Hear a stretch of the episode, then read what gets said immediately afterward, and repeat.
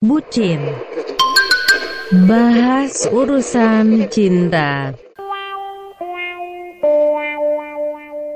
Oke semuanya ini jadi bucin episode pertama ya. Bucin itu adalah bahas urusan cinta. Ya karena emang dari kemarin mikir nih kontennya mau apa dulu ya Biar memulai podcast ini di episode pertamanya Ada bahasan yang bisa langgeng gitu ya Kontennya yang bisa terus-terusan ada.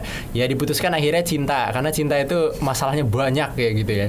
Dan aku juga ngomong di podcast ini nggak sendirian Karena di podcast yang bucin ini Yang bahas urusan cinta ini Aku ditemenin sama Delira Halo. Halo, dikenalin dong. Delira, Delira eh, kuliahnya di mana? Umurnya berapa? Halo eh, teman-teman Resya, pendengar Resya.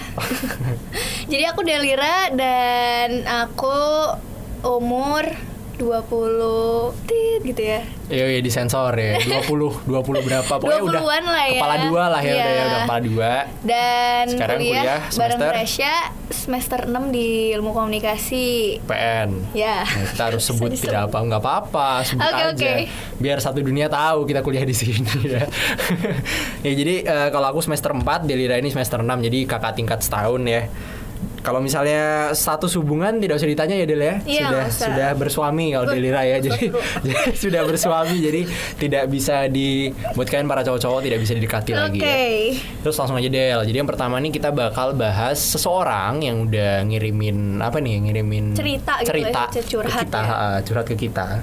Terus curhatnya ini tentang dia itu merasa trauma masalah cinta-cintaan. Traumanya kenapa? Karena dia ini punya masalah percintaan di keluarganya dia. Masalah percintaannya seperti apa adalah menyangkut kedua orang, tuanya. benar. Ha, Jadi gitu.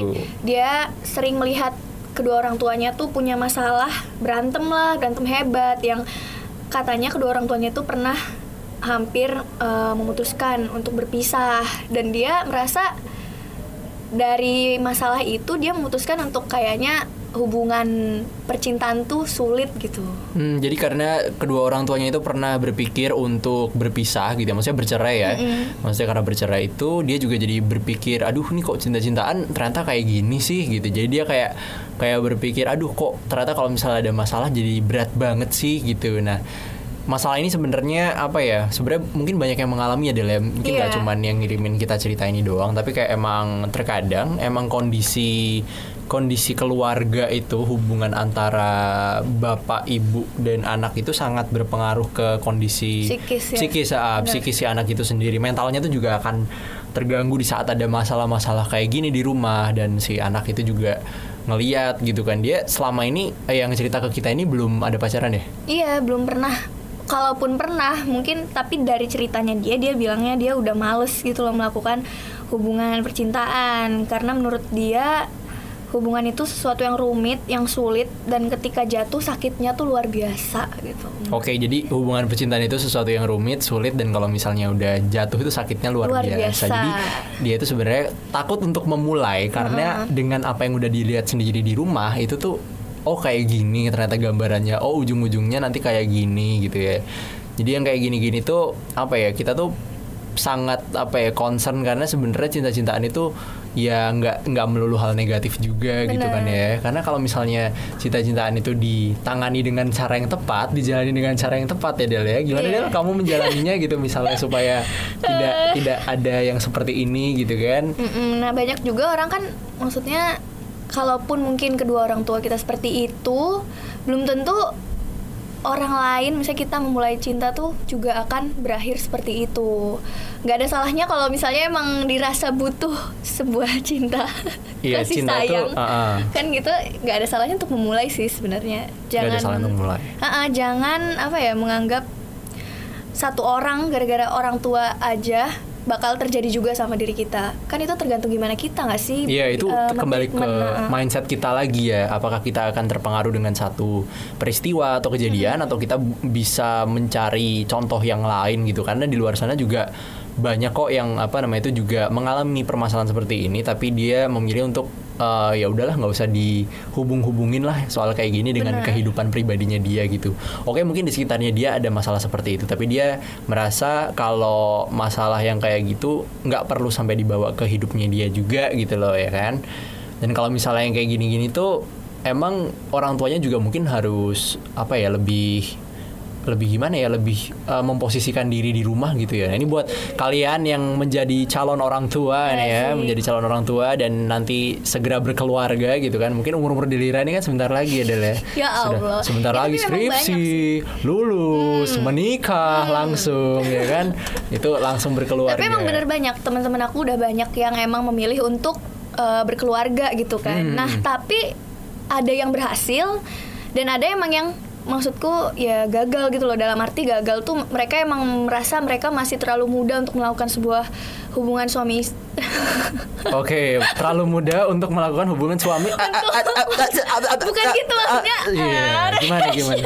Hubungan suami istri ya. menikah gitu Menikah, maksudnya mereka menikah. terlalu muda untuk memutuskan, memutuskan menikah, menikah gitu. dan melakukan hubungan suami istri gitu ya. iya dan harusnya eh, apa lagi gara-gara Harusnya, harusnya apa? Ini mohon maaf ya, ini kita gara-gara tadi Delira menyebut hubungan suami istri dia langsung blank. ini salah nih ya dia Allah ya Allah pikirannya langsung ke mana-mana, langsung langsung memikirkan ya kan macam-macam bukan sih. apa yang kita ucapkan bisa jadi salah tangkep gitu loh Oh, sama gitu. orang yang Iya, mendengarkan. coba- coba aku takutnya dijelaskan. salah tangkep. Dijelaskan, Maksudnya dijelaskan. yang aku maksud dengan umur terlalu muda ini bisa berarti kita belum terlalu cukup dewasa untuk menyikapi segala eh, kejadian yang ada di rumah. Hmm, bener banget. Nah emang kalau misalnya emang kita belum siap ya belajar dulu nggak apa-apa gitu loh dari melihat sekitar gitu banyak kok orang-orang yang emang keluarganya di rumah juga apa ya istilahnya broken home gitu ya ya, oh, itu juga satu permasalahan nanti Heeh, kita bahas broken tuh. home dan tapi dia memutuskan untuk tidak seperti itu dengan cara merubah mindset dirinya terus menjalankan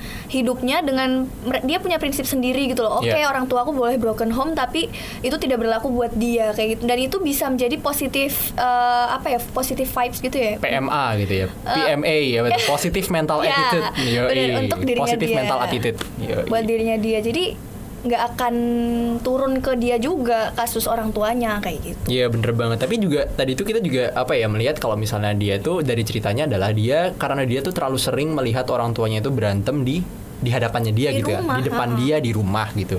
Dan em, apa ya? Kalau aku jujur pengal- dari pengalaman pribadiku itu hal yang normal kali ya. Emang kayaknya pasti semua semua hubungan, Manusia, ah, semua semua rumah tangga, hubungan rumah tangga itu pasti ada up and down-nya gitu loh Benar. dan dan hal-hal yang semacam ini kayak berantem gitu-gitu tuh ya mungkin em, pasti terjadi, pasti terjadi tapi entah itu kapan dan entah itu seberapa sering dan mungkin yang dialami dia ini sering gitu loh. dan entah gimana orang tersebut ini kan maksudnya dia eh, memperlihatkan atau dia berha- berhasil untuk menutup itu ke umum Ya gitu bener kan. banget. Nah kembali lagi ke karakter dirinya dia Iya. lagi sendiri gimana gitu loh. Tapi emang menyikapi masalah broken home ini agak unik ya karena emang banyak tipenya gitu. Ada anak broken home yang dia itu mencari pelarian setelah di rumahnya ada masalah, mencari pelarian dengan cara mencari pergaulan lain di teman-temannya di luar. Terus ada juga yang caranya jadi antisosial, ada juga yang caranya dia nggak kenapa-napa dan nggak kenapa-napa dalam artian dia bisa menutupi itu dan bisa menghandle itu dan seakan-akan nothing happens, nothing happens dan dia juga tetap positif-positif aja, lurus-lurus aja gitu hidupnya, nggak ada nggak ada belok-beloknya gitu kan.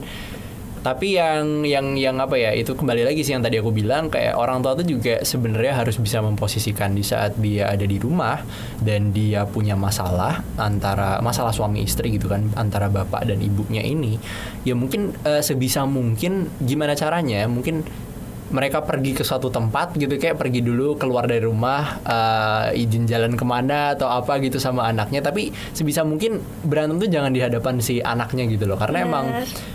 Emang manusia itu nggak bisa dipungkiri mau dia muda ataupun tua ya dia pasti punya karakternya masing-masing. Bisa jadi dia udah tua tapi dia belum cukup dewasa untuk menyikapi konflik gitu kan ya menyikapi konflik dan dia nggak bisa paling nggak bisa orangnya denger dengar orang-orang ribut apalagi itu orang tuanya sendiri. Jadi kayak itu sangat berpengaruh ke dianya juga ke personal life-nya dia entah itu ke percintaannya dia dia juga jadi trauma kan diceritain itu. Dia kayak aduh aku udah nggak mau deh cari-cari pacar gitu daripada ujung-ujungnya nanti aku harus berantem harus ngurusin lalala ye-ye-nya gitu kan. Yang kayak gitu-gitu. Ya semua dimulai dari ya balik lagi sih yang Resya udah bilang tadi kan mindset ya. Hmm.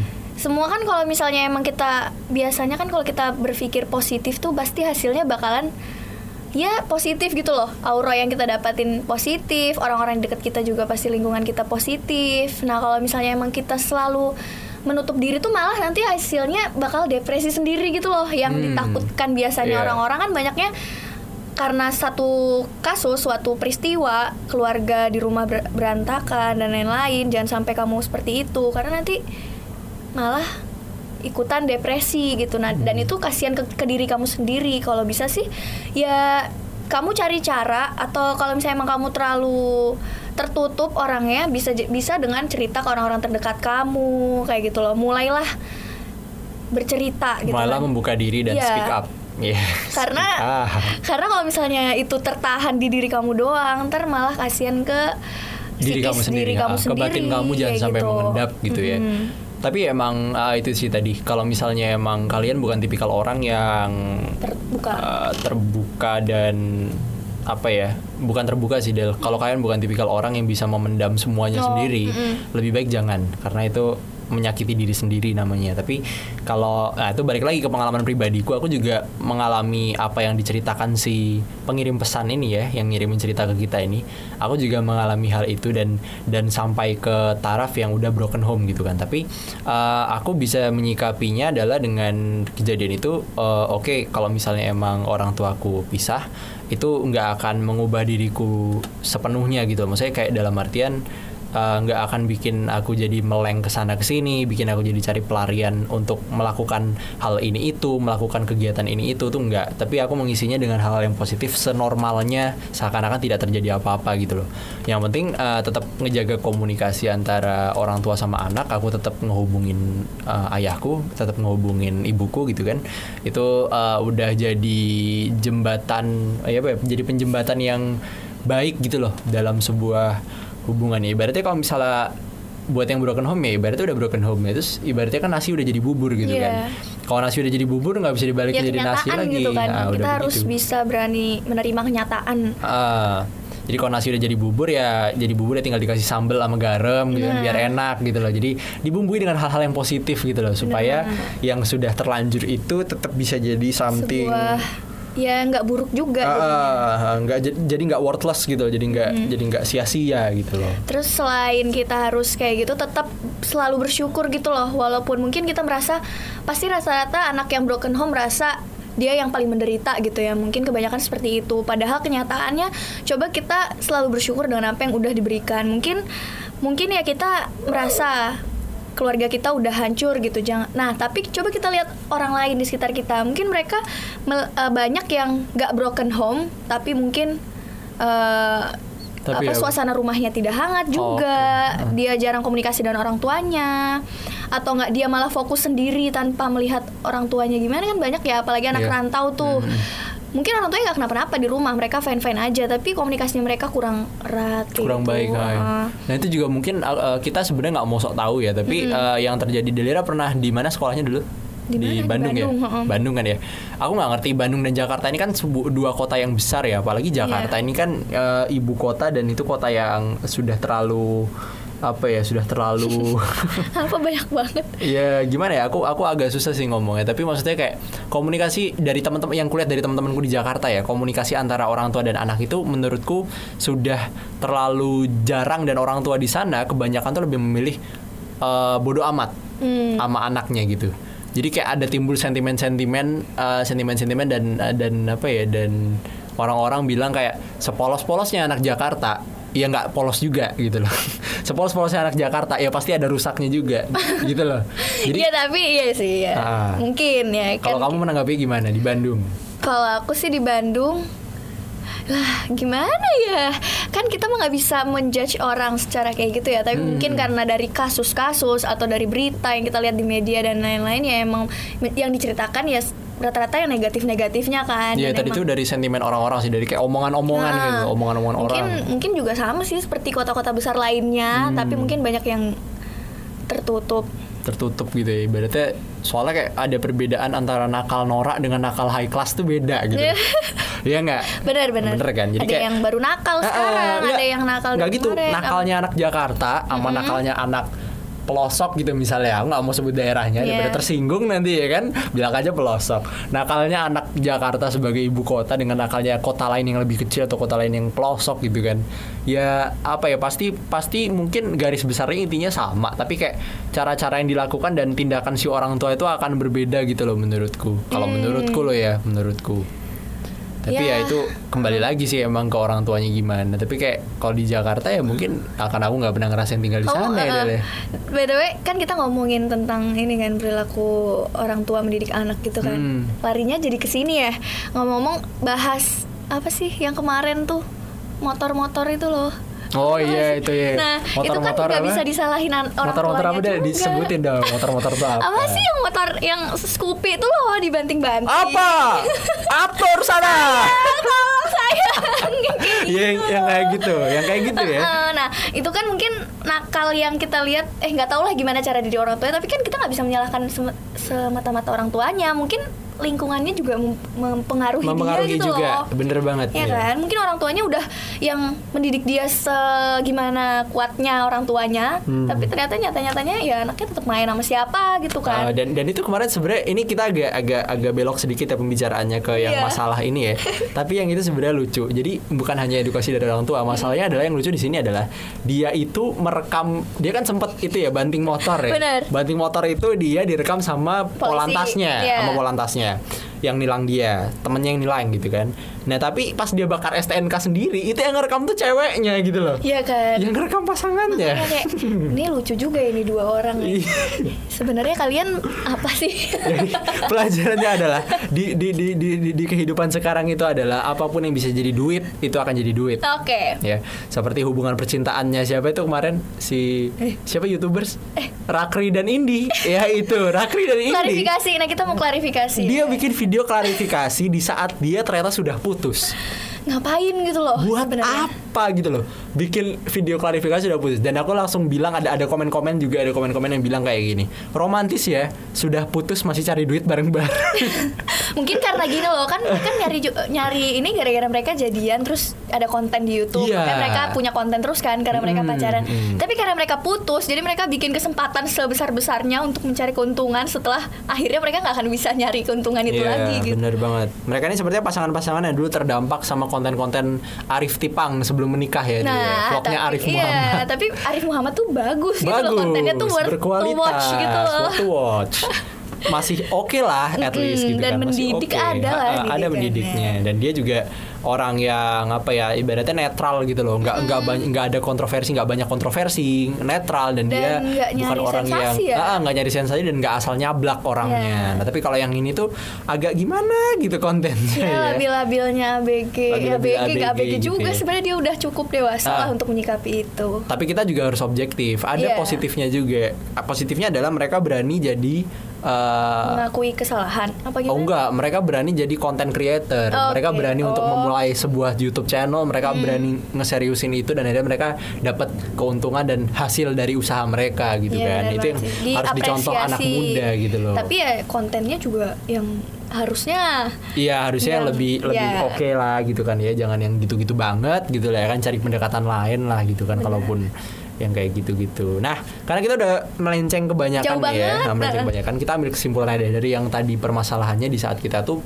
jadi orang yang terpengaruh sama kondisi lingkungan kita. Dan di sini yang paling dekat adalah keluarga. Di saat kita ternyata trauma ya.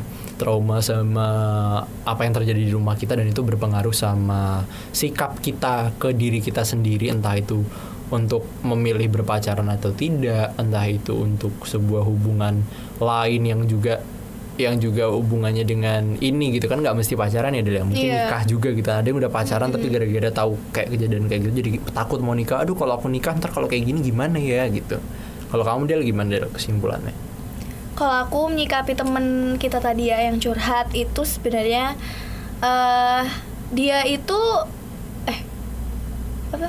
Kalau aku ceritain maksudnya dia tuh orangnya yang aku lihat gitu loh. Oh gitu ya nggak apa-apa, Ah, boleh boleh. Kalau kan- kalau kamu ngelihatnya gimana? Kalau aku ngelihatnya dia itu udah cukup pintar sih maksudku.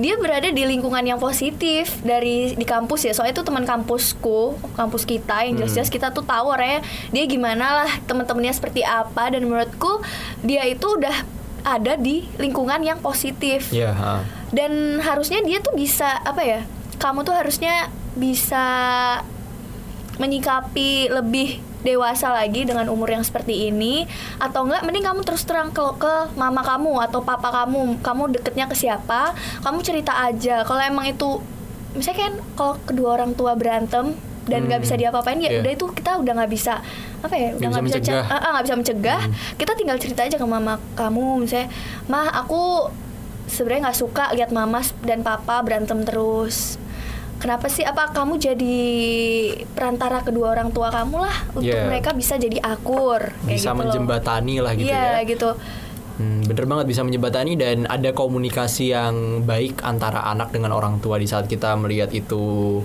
Em, Oke kita nggak nggak nggak serak nih kita nggak nyaman nih dengan kondisi seperti ini bisa mungkin langsung bilang ke orang tuanya pah mah kalau misalnya berantem eh, jangan di rumah lah at least gitu. Iya. atau ya sama sekali mending nggak usah berantem gitu loh. Dicari aja solusinya terus dicari jalan tengahnya dan baiknya gimana gitu loh. Biar nggak berantem berantem terus karena emang eh, anak itu juga di sini penting berpengaruh ke mental si anak tadi juga gitu loh. Bikinlah suasana rumah kalian tuh rumah kamu itu lebih hangat lagi gitu kan. Dari Hmm. diri kamu sendiri aja gimana? Kamu ke orang tua kamu ya terbukalah cobalah terbuka dengan apa yang kamu rasain selama ini. Kalau itu ngaruh ke psikisnya kamu kayak gitu kan. Nah, bener banget yang kayak gitu.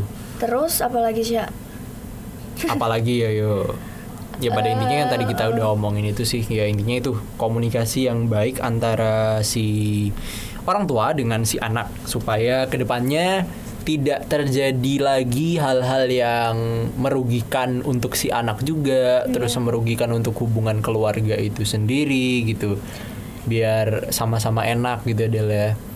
Ya kalau aku sih pendapatku sih itu tadi lah intinya kesimpulannya gitu. Kalau kamu ada mau nambahin lagi nggak udah sih mungkin buat teman-teman yang dengerin maaf kalau ke mana-mana Iya maaf kalau kita ke mana-mana ya sampai banting motor, sampai rakri dan indi, Iya, ya kan? maaf ya kalau nggak tahu nih pokoknya tadi kan kita udah ngasih kesimpulan Ya itu menurut kita loh ya tapi ya itu Iya. itu dari kita. Kalau misalnya kalian punya pandangan lain ya itu eh, nggak ada yang salah nggak ada yang bener gitu loh. Ini cuman kayak eh, gimana cara kita menyikapi dan aku pun juga ada di kondisi yang sama. Pernah ada di kondisi yang sama gitu loh di keluarga yang seperti itu. Bener. Dan menurutku semua itu kembali ke kitanya lagi gitu, kembali ke kita masing-masing karena apa pun kondisinya sebenarnya bisa diatasi tergantung kita mau apa enggak.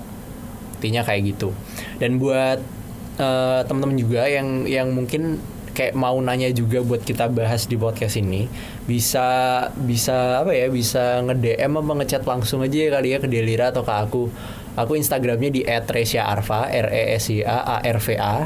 Kalau Delira di mana Del? Dan aku instagramnya @delira kmswr Delira biasa ya D E L I R A K Iya. M S W R. Delira K M S W R bisa langsung chat ke kita berdua dan mungkin kita bakal bahas podcast eh, di podcast ke depannya gitu ya topik-topik lain yang mungkin itu juga jadi jadi apa kebingungan kalian selama ini dan dan identitas kalian tuh aman ya.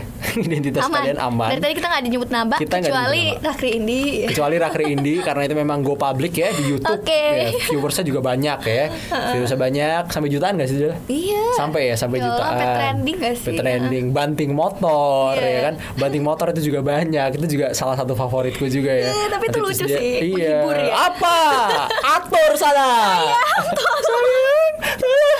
ya kayak gitu gitulah pokoknya ya jadi kalau misalnya kalian pengen ada yang ditanyain masalah cita-citaan bisa kita bahas di podcast kita besok-besok di segmen bucin lainnya. Bahas urusan cinta. Cinta. Kalau gitu Resya pamit. Delira enggak Delira enggak. Delira pamit juga. See ya.